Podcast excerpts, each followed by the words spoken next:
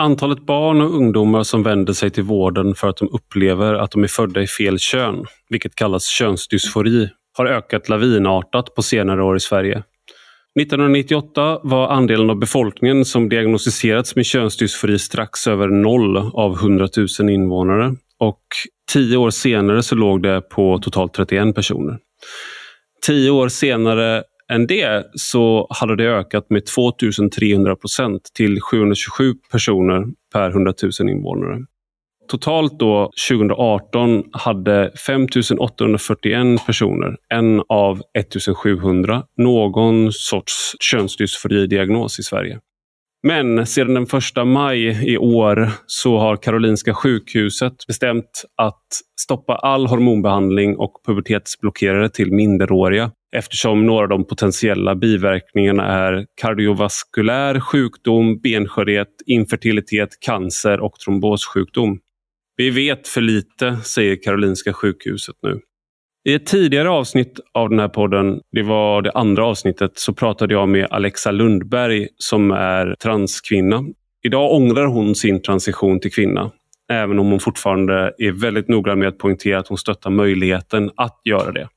Men att det inte var rätt för henne.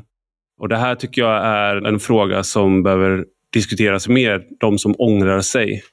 Och Det här fenomenet är inte, transfrågan är inte isolerat till Sverige utan det sker i hela västvärlden, den här ökningen. Och det är just flickor som i puberteten eller i tonåren på väldigt kort tid bestämmer sig för att de är födda i fel kön eller att de har då könsdysfori. Och det är det som ökar, det är det som står för den här stora ökningen. I dagens podd så pratar jag med den amerikanska journalisten Abigail Schreier som skriver för bland annat Wall Street Journal och The Federalist. Men hon är i podden idag för att prata om sin senaste bok som handlar om just transfrågan. För den har nyligen översatts till svenska med titeln Irreversibel skada, transepidemin som drabbar våra döttrar och den ges ut på Karneval förlag. Och Det är en bok som verkligen ger inblick i hur det kan vara för de som går igenom könsdysfori och hur det påverkar familjer där det här sker, där deras liksom, föräldrar vars barn får könsdysfori på väldigt kort tid. Jag hoppas att samtalet gör boken rättvisa, men jag rekommenderar verkligen den som vill fördjupa sig att läsa boken på egen hand, för det är väldigt många berättelser och ganska gripande, ärligt talat, att få följa med så många olika människor på allting de går igenom och hur de möter läkare, terapeuter. Läs boken. Nu till dagens gäst Abigail Schreier. Du lyssnar på Rak Höger med mig, Ivar Arpi.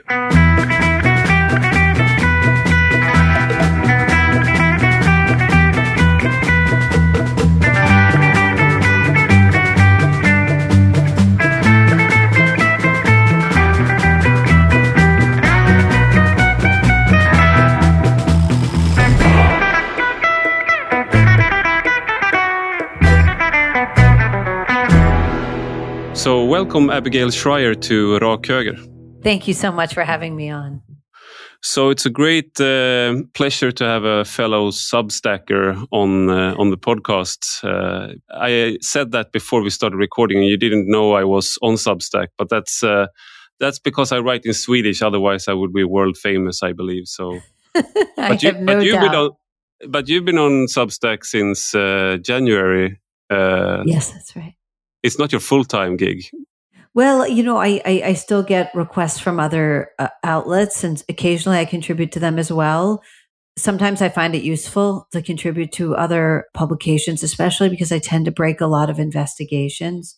So I usually have a deal with publications I write for that they allow me to uh, print on my Substack within 24 hours. So I'll do, you know, 24 hours for them, and and um, and and then goes right to my Substack the reason I sometimes like to do it is I break a lot of news, and sometimes it's uh, nice to have the credibility of having editors read it over and say, "We looked into this; she's right," um, because so, some of the stuff is really so unbelievable that sometimes it's hard to trust journalists. yes, it's uh, it's a growing issue in the with the reporting coming out of the United States. I would say I used to think that Sweden was an outlier in everything crazy and politically correct, but I think you, you've surpassed us uh, in the last yes. few years. Yes, we've really seemed to excel at crazy here in the United States. well, I could talk about Substack because I think it's interesting because it's it's my livelihood now. But that's not the reason uh, that I I uh, invited you on because but it's because you've written a, a, a great book which is oh, called Irreversible Damage in English and Irreversibel skada, transepidemin som drabbar våra döttrar in Swedish. And it recently came out here and uh, from what I can see, only a Christian paper has reviewed your book so far. And I, I hope this will change because it's a great book. And the, the issue that you describe is sort of crazy. And uh, I mean, I've, I've written a little bit about it, but basically what you describe is that it's a non-existent phenomena, which in a few years exploded. And now it's a big, it's a growing issue in basically all the Western countries, I would say, like, and you describe, and you bring up Sweden as well, Great Britain, yes. United States, Canada. Perhaps it it varies a little bit, but uh, and it's adolescent girls uh, overnight finding out or coming up with the idea that they're wrong, born in the wrong body or they're having gender dys- dysphoria, and they overnight say that I identify as a man or as a boy and I want to uh, change. Could you like describe how why did you start to write this book in the first place? So I wrote this book because we were seeing across the West, and you're very much seeing the same thing in Sweden, which is why I hope hope readers can become aware of this. That is the sudden, unexplained spike in teenage girls deciding they were transgender and and really asking for hormones and surgeries and easily getting them. And the strange thing about this was we know what gender dysphoria is. We have a 100 year diagnostic history and it never was in teenage girls was was was something uh, that typified teenage girls. In fact it was almost overwhelm it was overwhelmingly male and it always emerged in early childhood ages 2 to 4 little boys saying no mommy i'm not a boy i'm a girl. And now in the last decade out of nowhere the leading demographic is teenage girls um, with no childhood history of gender dysphoria, claiming to have it, insisting they have it, and just being handed testosterones and surgery and and uh, provided with surgeries by by affirming doctors who do not question them. What is very captivating with your book, because we have statistics and you can read like short summaries on government agencies and how much the prevalence of this and and it's all useful information. And, and I mean, it's a, I think between year 1998 and 2018, the prevalence of uh, teen, uh, of teenage girls with a gender dysphoria diagnosis it jumped 2,300 percent in Sweden in a 20 year period. So it was basically non-existent to being one of the uh, much more prevalent than what you described with the the young boys wanting to be girls.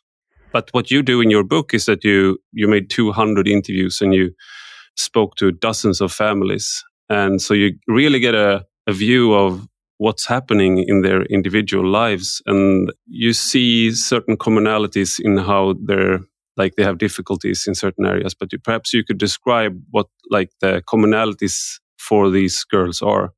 Sure, they're the same population of girls that falls for every other social contagion. Um, in America, we had anorexia, cutting, these sorts of things. It's it's affluent and middle upper middle class and upper middle class white girls. Very precocious. These are very very bright young girls, but they don't always fit in socially.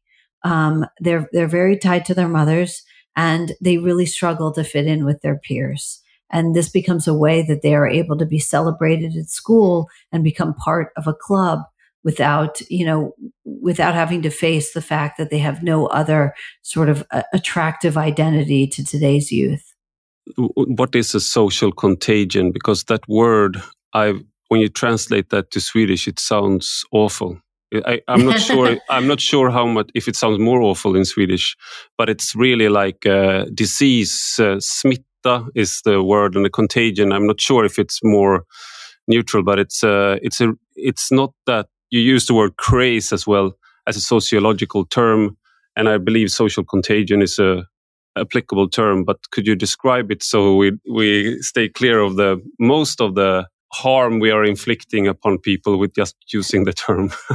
Yes, absolutely. So we know that teenagers tend to share and spread different forms of pain. Now, we've also seen how, you know, non harmful things, things that are not harmful, can also be a craze. So, for instance, in the United States, hula hoops, this old, um, this this fun toy became a tremendous craze. Every every teenager wanted one. Every young person wanted one because all of their friends had it and we've also seen that harmful behaviors can be spread in this way. So uh, there's a writer, Lee Daniel Kravetz, who an American writer, who talked about how um, a little more than a decade ago, there were a spate of suicides in the same high school in Palo Alto, California. That the kids were very anxious and they were imitating each other um, mm. once it became sort of a celebrated thing. And I think that I try to show in my book, and, and I believe it's true um, that that transgender identity can be a social contagion, meaning young girls can encourage each other. Oh, I feel dysphoric. Do you feel, do you, I hate my body? Do you hate your body? I hate my body. Oh, I'm totally trans, this kind of thing.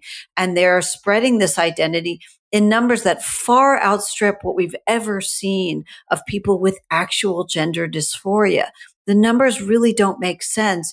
And if you look at the fact that there's this, there's such a high rate of prevalence within friend groups, this is teenage girls friend groups coming out as trans. Really, the, the, really the only way to understand this is peer contagion. I felt a little bit old when I read your book because I'm I'm I'm a couple of years younger than you, but so I'm now I'm indirectly calling you old. But I'm a millennial and you're Generation X, but it's only my wife is in in between. But when you describe how teenage life has changed since you were a teenager and since I was a teenager, of course I grew up in Sweden, but we used to hang out and we were outside and we were at parties every Friday and people drank too much and I mean there were a lot of risk taking, but we met each other and and hung out a lot. But now what you describe and which fits into this hypothesis of social contagion is that a lot of these girls find their peer group uh, not in at the mall because the mall has closed and been replaced by Amazon, but rather on social forums such as DeviantArt, Tumblr, Reddit, Instagram, and that yeah. change. And, and could you please describe that? Uh, sure, that and TikTok. Yes. TikTok. So the diff and t- the difference is if if girls felt uncomfortable in their bodies, and let me just say, every girl going through puberty feels uncomfortable in her body. It's a dramatic and painful change. Um, you know, a, a, a menarche is you know very uncomfortable, um, and and developing breasts. It's all very strange and uncomfortable for a young woman. They used to commiserate with each other in person, or that you would mm. talk about things and feel better. And today they're going online, they're googling you know I, I hate my body. And they're getting influencers who are, you know, YouTube stars, TikTok stars who are telling them if they feel uncomfortable in their body, they're probably trans. And unfortunately, young young people today so spend so much time with these influencers and so little time with each other. They're really listening to uh, some very bad influences. This also, I mean, I'm a anxious middle class parent to four very young kids. But um, we talk a lot, about screen time here in Sweden, and uh, one of your advices is that you should perhaps monitor that closely in, during this phase of, of a kid's life. The authority of parents or the, the closeness of parents and the relationship with the parents become undermined by this online peer group. So that didn't right. lessen my anxiety going into uh, their, my kids' older ages. Well, but I think the, it should. Yeah. I think it should yeah. because I'll, I'll tell you why. Because yeah. a smartphone is such a vector of mental health problem for these young people. It really taking that away, you've already given your child such an advantage. If you don't give them a smartphone, there are a lot of other kinds of phones. They have flip phones out there. Um, but taking away the social media and, and YouTube you know, the, these things are so bad for teenage girls and taking those, those things away is a really easy way. Although I know it's, I know it's difficult. I know they protest, but it's a really an easy way to set your kid up for a much better life. You also describe, I mean, because this is basically about teenage girls or the our daughters and young women. I mean, I have a lot of anecdotes of uh, I have younger younger cousins and uh, people I know, and and one of the things that I know is that they have had um, in schools they had competitions in like they they are high achieving, they get the best grades, but they also compete with weight.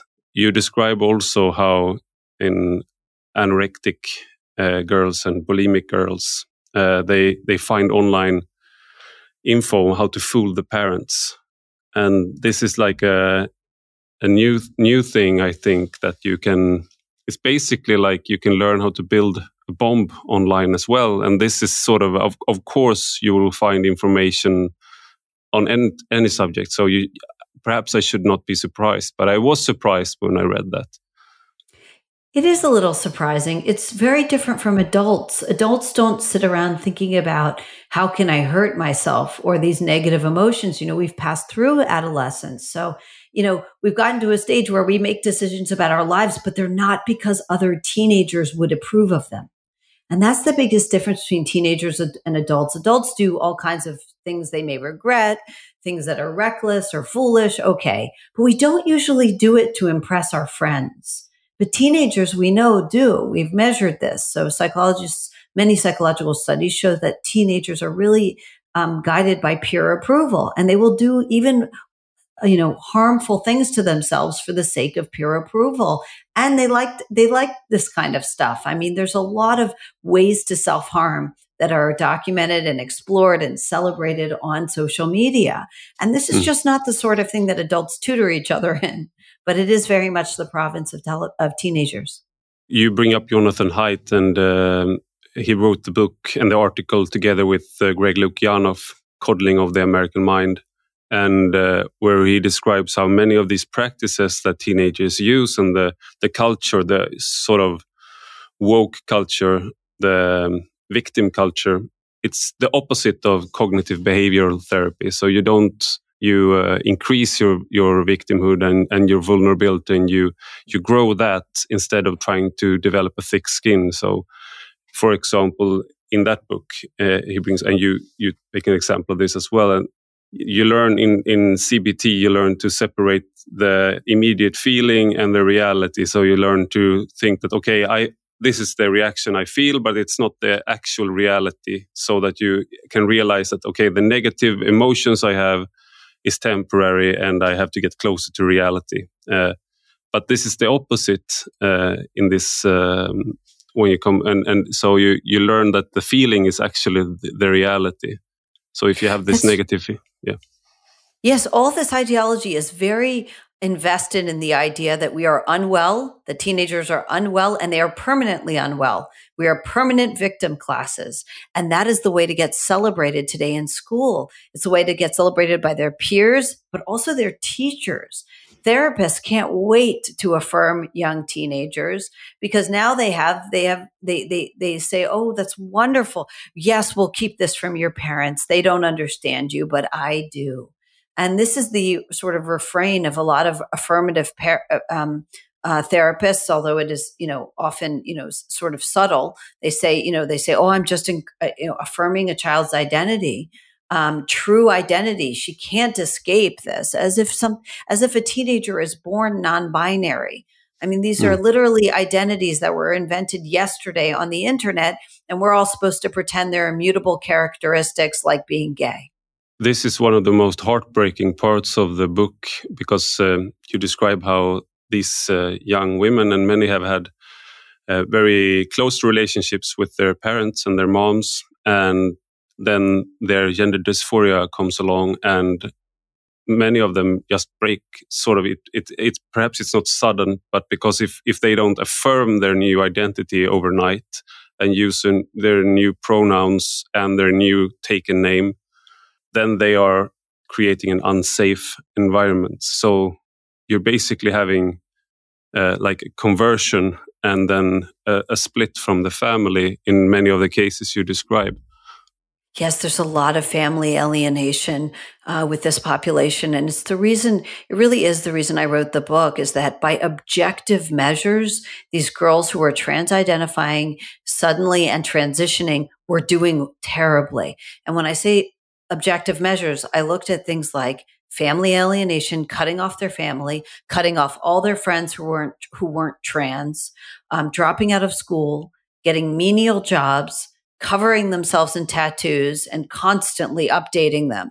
Um, they they never seemed happy or or healthy in their in their bodies even after transition, and they weren't forming many meaningful, stable relationships um, in, by and large. Uh, they were they were getting you know subsistence work at a local coffee shop, but these kids were very very bright kids who should have been going on to college and should have stayed in college, and very often they weren't. One of the I think one of the um, I don't remember now the which one which one of the cases that you described, but of course the parents wanted to help because many of them, and this is true. Uh, I mean, this is true scientifically in Sweden as well. That many of these uh, young women and girls suffer from other issues such as uh, autism spectrum disorders and uh, ADHD or depression, self harm behaviors, and, and, much higher rates than in the general population. So, of course, parents want to help them and, and bring them to psychiatrists. And, and then one of them, like one of the therapists, uh, said that, oh, in a few of these cases, they suggest that it's gender dysphoria. So they, they, they plant sort of the, the seed Yes, in America, the seed gets planted by many people um, teachers, social workers, therapists, the parents pay for, gender doctors, the parents pay for. And in almost every case, the, the, the message that the adults give to this child, and remember the child could be 12 years old, is if your parents don't affirm you, if they don't acknowledge your trans identity, if they don't allow you to transition, then they are unsafe. So you mm. see, there, there was a lot of breaking away from, from parents by these young people. And of course, the, you know, the parents I interviewed really did want the best for their daughters. They were not homophobic. They were not anti LGBTQ. Most of them were political progressive. They just didn't believe this was right for their daughters. You, you bring up statistics like uh, how many of them that are supportive of uh, trans rights. And I, I, I'm not, I don't remember the exact number, but it was around 88 I think it was 88% or to some uh, around hovered around there. I mean, there must be a difference to object that uh, your 12 year old starts hormonal therapy and supporting uh, a grown, an adult decision to transition. I mean, it's a, this, it should be uh, a level of difference in, in your, uh, if it's transphobia to object to hormonal therapy for a 12 year old, then it's a very mild form compared to then being just against the whole category of people and nobody should ever transition. That's right. It's very different. Um, adults make decisions uh, first of all because they you know they've a evaluated they've grown up they've achieved a certain maturity and if this is how they want to present to the world i fully support that i've never had any expressed any concern with that and I'll, I'll tell you something else you know here in sweden your own karolinska hospital recently cut back on the transitioning of minors because of the risks. There's a lot of risk, medical risks that were really underexplored, including the possibility of regret. And we're seeing very high rates of regret among this population. It's, it's strange because when you talk about uh, steroids use in sports, you're very open about all the risks. So it's basically a lot of it uh, for for a woman to have that level of testosterone in her body it's very similar to using steroids for performance enhancement when it comes to risks in cancer and uh, stuff like that. So it's strange because you, you have to have a double mindset medically when you when you talk about these issues. Right. And of course, the doses we're giving to women are far, far higher. We're talking about 10 to 40 times what her body is meant to handle. So we know that, you know, she has real risk, not only of the cancers that you mentioned, like endometrial cancer, but also uterine atrophy, um, you know, uh, vaginal atrophy. Um, there is, there's a lot of painful risks. Um, her urethra your urethra can begin to disintegrate. It's called friable, is the medical term um, from the testosterone. So um, there's there's you, there's tremendous numbers of these risks, and of course, she'll have physical changes that won't go back. So, for instance, she may have a permanent five o'clock shadow. You know, her her stubble on her face may be permanent. The voice change may be permanent, um, and and facial features and whatnot. But um, these are huge risks and they're treated as if they are nothing by a medical community that has really stopped acting like doctors, at least in America. And they really just act like activists. They sit around celebrating this without applying the typical medical skepticism that we would want them to use for any serious treatment. So, this is the title of your book, basically irreversible damage. If it was sort of, okay, my child has become a punk rocker a piercing, you can remove a piercing. It's not. Right. Uh, it won't. It won't cause you to not uh, be able to have a child. If you start a hormonal treatment as a young female and you do it for sufficient amount of time, then you might become sterile. So it's irreversible. And and the same with with boys, even if that's not the main subject in your book. But if you if you use estrogen and you use and you do these changes and you remove your penis and then those changes are also irreversible after a while. So you have in, in some issues, in some cases, you have like an, a window of time where it's still reversible. Then you take up another category in your book, and that's the detransitioning uh, movement and the traitors, so to speak, to this uh, because they are not talked about so much because they complicate the, the image. Could you just describe like what what that is? Yes. So detransitioners are, uh, you know, you know, they could be men or women, but m- most often young women who went through these changes very quickly. The the famous Keira Bell case, Keira was one in, in England, in which she said to to the High Court, it takes enormous bravery to be able to do this. I was 16 when you started me on these treatments. I had no way of knowing that this was right for me. No doctors questioned me. They just pushed me onto all these hormones and surgeries. Now I have no breasts. I'm probably infertile and I made a huge mistake. This did not cure my problem. And, and what I had probably wasn't, you know, um, typical gender dysphoria at all. So I, I think, you know, this is a population that ought to be listened to. At least they should give doctors pause. But in the United States, they are, they are instead attacked insulted, ignored. Activists call for them anything that they are, they're calling them transphobic, anything that they, anytime that they speak up and share their own experience, activists do their best to block it, to censor it, to shut it down. It is completely wrong. And they are the only group that is not allowed to be part of this conversation. It's very interesting because you also you interview Buck Angel, so perhaps you could introduce uh, the audience to Buck Angel if they're not heard heard of him before. So, so Buck Angel is a trans man, uh, meaning he was born a woman, um, and he transitioned as a man. He's now a sort of internationally known porn star, in addition to being a health advocate for transgender people. And he, I, he was very kindly allowed me to interview him for my book. And he said, listen, I ch- did this as an adult, as a mature adult. I made this decision. I always had gender dysphoria from the time I was a little girl. And it took years of therapy, but this was right for me. He said, but these kids, they're going way too fast and they're encouraging each other on social media and they're encouraging their peers and nobody is looking as giving them proper medical oversight to make sure this is right for them. He believes it's way too fast and way too young. And that's coming from someone who's transgender. Uh, he's been labeled a transphobe as well, but it's a harder case to make uh, when you've been a public advocate for trans rights for such a long time. But uh, I actually interviewed a Swedish woman named uh, Alexa Lundberg a couple of months ago. Uh, so was born a, a, boy and transitioned to uh, a woman, but regrets the choice because he thinks no, she thinks that she was really a gay man and she was taken in like she was admired a lot of the feminine characteristics and met a couple of uh, trans women and so he was inspired but now regrets the decision she nowadays call her uh, like a gay girl, uh, like homo girl, so to speak. It's a story that's not been told so many times, and you can actually combine being supportive of trans rights without thinking that you should do this for for kids and and uh, adolescents.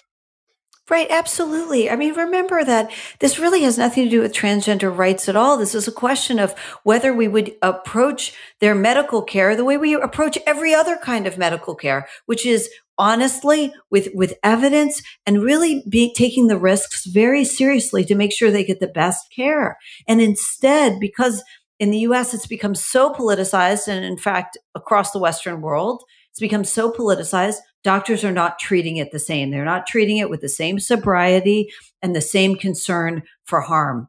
And with and and do, does this medication cause harm? Of course. It causes a lot of harm. And that's why we need to be aware of it and really honest about it and careful when administering these treatments. And instead, there's been, you know, doctors have just looked the other way and, and, and really they're making so much money on these things, uh, in, in the United States and, um, and across the West. It's, it's just become so popular, um, that they, they really aren't behaving like doctors.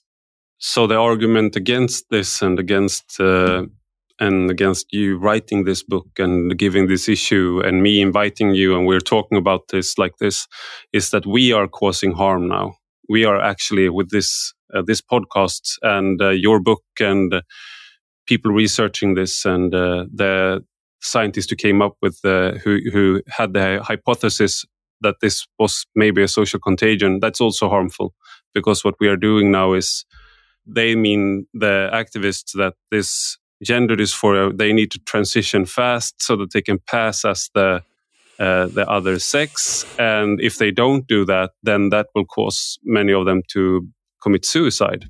That is a, a series of exaggeration and lies. First of all, the idea that my book causes harm. My book just points out the medical risks. There are hundreds of books that are entirely un- uncritical of gender affirming surgeries and treatments for teenagers. They're all on Amazon. No one objects to them. And, and, and all they are is celebrating immediate affirmation and, and hormonal and surgical treatments. And, and, and somehow one book looking at the risks is enough to cause harm. This, that's such a perversion of the truth. The truth is anyone who cares about transgender health wants proper medical oversight and an honest discussion of the risks. It's the only way to give people good treatment. And they know that. Hmm. So they really do this as just a way of shutting you down. And unfortunately, you know, they have been very successful. They have tried, you know, they have tried to censor me. Target removed my book. It never, it put it back on after people objected, then took it down again. Amazon has played all kinds of games from with my book. Um, but you know, at the end of the day, people want to know about the risks. So they mm. go out and buy it and they, they are entitled to read for themselves and decide what they think. That's something we all used to agree on. And unfortunately, you know, the so-called woke, they, they don't believe in free speech. There was another case you, you, you bring up Amazon suspended a paid advertising campaign of your book, and then there was a a positive review of your book was published on uh, the website Science Based Medicine uh, in June this year, and uh, the the editors retracted the review and said that you were it was just anecdotes, outliers, political discussions, and cherry picked science in your book. Right. So they they ran they removed. They actually removed one of their best writers one of their longest running and and most you know highest contributing writers. Uh, they removed and she's a doctor. She had she wrote a favorable review of my book. They removed it and then proceeded to publish i don't know four or five reviews that were negative of my book many of which included not only false tons of factual errors but they actually invented quotes from my book that never appeared in the book you're talking about a publication with no integrity whatsoever. And, and mm-hmm. unfortunately, we're seeing that all over. I mean, if you type in my book on Amazon, you'll see that my book recommends, they will say customers who bought this book also bought, and they will recommend other books. There's not a mm. single book on Amazon, as far as I can tell, that recommends my book, even though it was a bestseller. Mm. Because they are doing everything they can to try to get you not to buy it this was not on the on the list of topics, but it's very interesting because you can see how different, like the woke uh, industry, actually it it it has become part of the of capitalism now. So Amazon and Google and uh, so basically these companies, they are also in on it, so to speak. So they they are very susceptible to critique from the woke community or the woke communities so they they or maybe the people that there are have the same values. I have uh, many of them live in the same areas in these companies like silicon valley. So they have a lot of these values in common. That's, that's right. A, that's a really like a scary prospect that your book, people want to read it, and it's a well researched book, and it's not like you're a you're a crackpot. Even if you were a crackpot and, re- and had written the exact, exact same book, it would still be a good book. So, but you're you're you're uh, an established journalist and writer. So, if it happens to you, then it could happen to anyone. I mean, that's the thing to know. It really can. And people aren't aware of that until it comes for them. But I can tell you, it could really happen to anyone.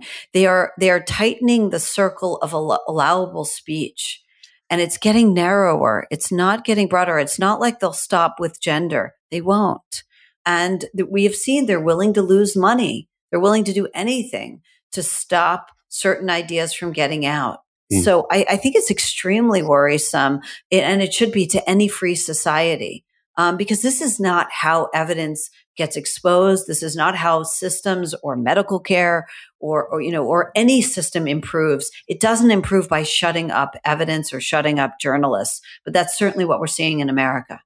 I've, I've, I've brought this up before here, but we, even the word woman uh, has become sort of a, a hate word, a turf word uh, trans exclusionary radical feminists use the word woman because it's a it's a actually a, a thing. there is a certain group of people that were called women, and, and now in Sweden you you replaced this word with uh, other words. So in uh, in the United States there was a Cori Bush who was a congressional representative for the Democrats, she said that she would do anything to save black birthing persons uh, last year. And uh, so the same thing is happening in Sweden with our governmental agencies saying that we should, uh, that the medical practitioners should avo- avoid the word woman. So you're having uh, a ramp up of the efforts to even control the language as you're you're you're talking about. I mean, it's and and this is happening in Sweden and it's happening in the in the United States. And um, we didn't talk about this. I'm, I'm, going back in the discussion now, but you described yourself as sort of a when you grew up, you were sort of a tomboy, but that's like a category. Being a tomboy or being a, a lesbian, even that's sort of categories that don't really exist now, uh, or has to a much lesser degree because if you're a tomboy, then perhaps you should transition. Perhaps you're you're gender dysphoric. That's right. There's a tremendous amount of pressure on young women if they're not perfectly feminine today. And as you said, we're seeing an, uh, really a whole scale assault on women's rights coming out of this same ideology. Um, the, the, you can't even say the word woman. And we're seeing this, you know, across American law as well, um, where they're removing the word woman and it, they're trying to remove sex based rights. So any entitlement a woman has to being in a a woman's only battered women's shelter or prison is now under assault across the United States and in other countries as well. And women are getting badly hurt. You wrote a piece. Uh, this is uh, it, it, it, ties into your book, but it's uh, sort of a separate uh, separate issue or, or, a larger issue. You you wrote a piece on your Substack, which is called Abigail Abigail Shrier uh, .substack.com. So I, I really recommend people to to go in and subscribe. And you you wrote a piece because uh, the title "Want to Save America? Don't Act Like a Conservative." So I, I thought that was a gr- great headline. uh, uh, uh like one journalist to another. That's a great headline. Uh, oh, and, and it's, it's sort of as uh, someone who identifies sort of like a conservative, it's like, oh, okay, how, how am I going to act then? but could you, so could you just describe because it's it has to do with what you are doing and what another journalist, Chris Rufo, is doing, and why shouldn't you act like a conservative to, if if we want to change these issues? Right. I think there were two sort of conservative impulses, certainly in America. And one is to be overly polite and solicitous on anything that has to do with the culture because we feel like, oh, I don't really know about this whole LGBTQ thing. So I'm just going to do whatever they ask me to and be very polite. And I don't want to offend them. I just want them out of my house. Hmm. Um, mm. as long as they have nothing, it's, it's the, it's the fantasy that what goes on in the culture has nothing to do with your family and your mm. your country. It has everything to do with that. But conservatives traditionally haven't wanted to really engage the culture. They've sort of wanted to oppose a lot of things, but not engage it. And on the other hand, you have this sort of aggressive, what I call chest thumping conservatives. They, you know, they oppose everything. They come across very often as, as bigoted and they know that everything's going on. The culture is bad or wrong and they decry it, but they don't give good arguments against it. They don't seem mm. to hmm. know why they're arguing against something. And and I think Chris Rufo and I, you know, something that I try to do is to take a middle path that is to honestly engage what's going on in the culture and figure out if there are things to be concerned about and explain why in a way that's accessible across the political spectrum. And that's certainly what I tried to do in the book. Look, I didn't approach it as all conservatives should think this, which seems to be the mode that so many conservatives operate in. I, I, don't really care what conservatives believe so much. Um, really, I'm interested in what should thinking people believe? What should people who care about evidence believe? And what should people who care about the well-being of young women believe? And if there's evidence that they're not doing very well and that all this trans identification is hurting them rather than helping them and, and that doctors are not taking enough care to make sure that they're getting proper treatment, well, that's something we should all be concerned about. I'm familiar with the like Chris Rufo is doing. Uh, he's the one in like one year. He's done more against in the culture war as a, like a lone lone ranger sort of act uh, than many has done in uh, many years. And with but what he's done is he started a, a like activism sort of he he with his twitter page and his his own uh, homepage he got a lot of uh, parents who wrote to him and uh, about the critical race theory and what was happening at their children's schools and uh, so it, it ties into this whole culture war where, where trans rights and intersectionality is, is sort of a, a, woke mix so he started publishing that on Twitter. So I've been following him for quite some time. And then people started uh, reaching out to him and like, okay, so what could we do? Could we like prevent this? Could we like re- introduce uh, legislation to help combat this? And he was like, sure, I'll help you. And uh, so he's helped a lot of states and uh, a lot of parents to uh, to combat this. And then a lot of uh, conservatives started getting angry and critical because they are also critical against critical race theory. But this proactive stance that Chris Rufo Chris Rufo has taken didn't sit well with them. And why? Could you explain why? he was winning.